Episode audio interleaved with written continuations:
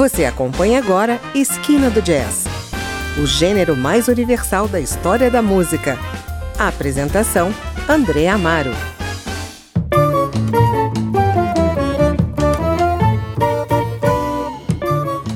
Olá, o Esquina do Jazz apresenta hoje o som do instrumental Picumã, banda que nasceu em Porto Alegre da união de cinco instrumentistas que usam jazz para cruzar os ritmos latino-americanos e criar uma identidade musical própria. Milonga, chacareira, candombe, tango, choro e salsa podem ser identificados nas dez faixas que você vai ouvir a seguir e que fazem parte do disco que o grupo lançou em 2016, simplesmente intitulado Instrumental Picumã.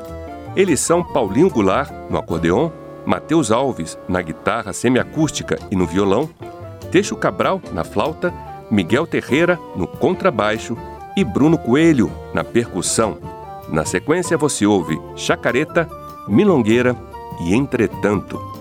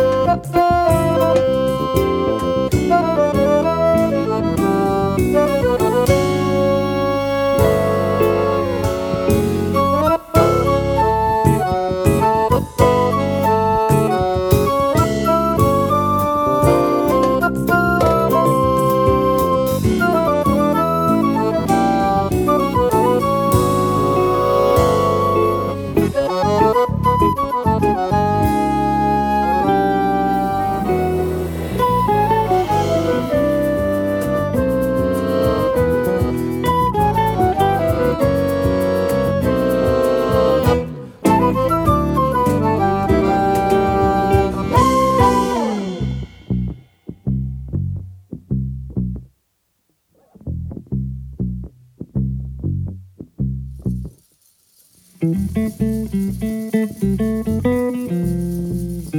you.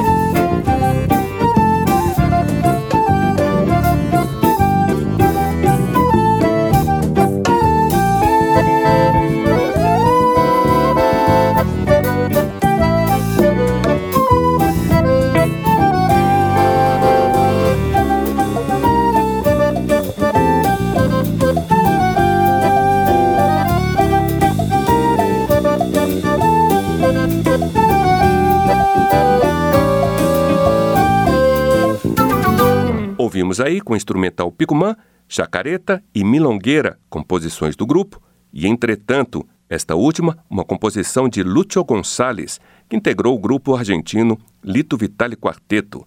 Você está ouvindo Esquina do Jazz. Vamos para o intervalo e já voltamos com outras faixas do disco homônimo que o instrumental Picumã lançou em 2016. Fique aí, voltamos já.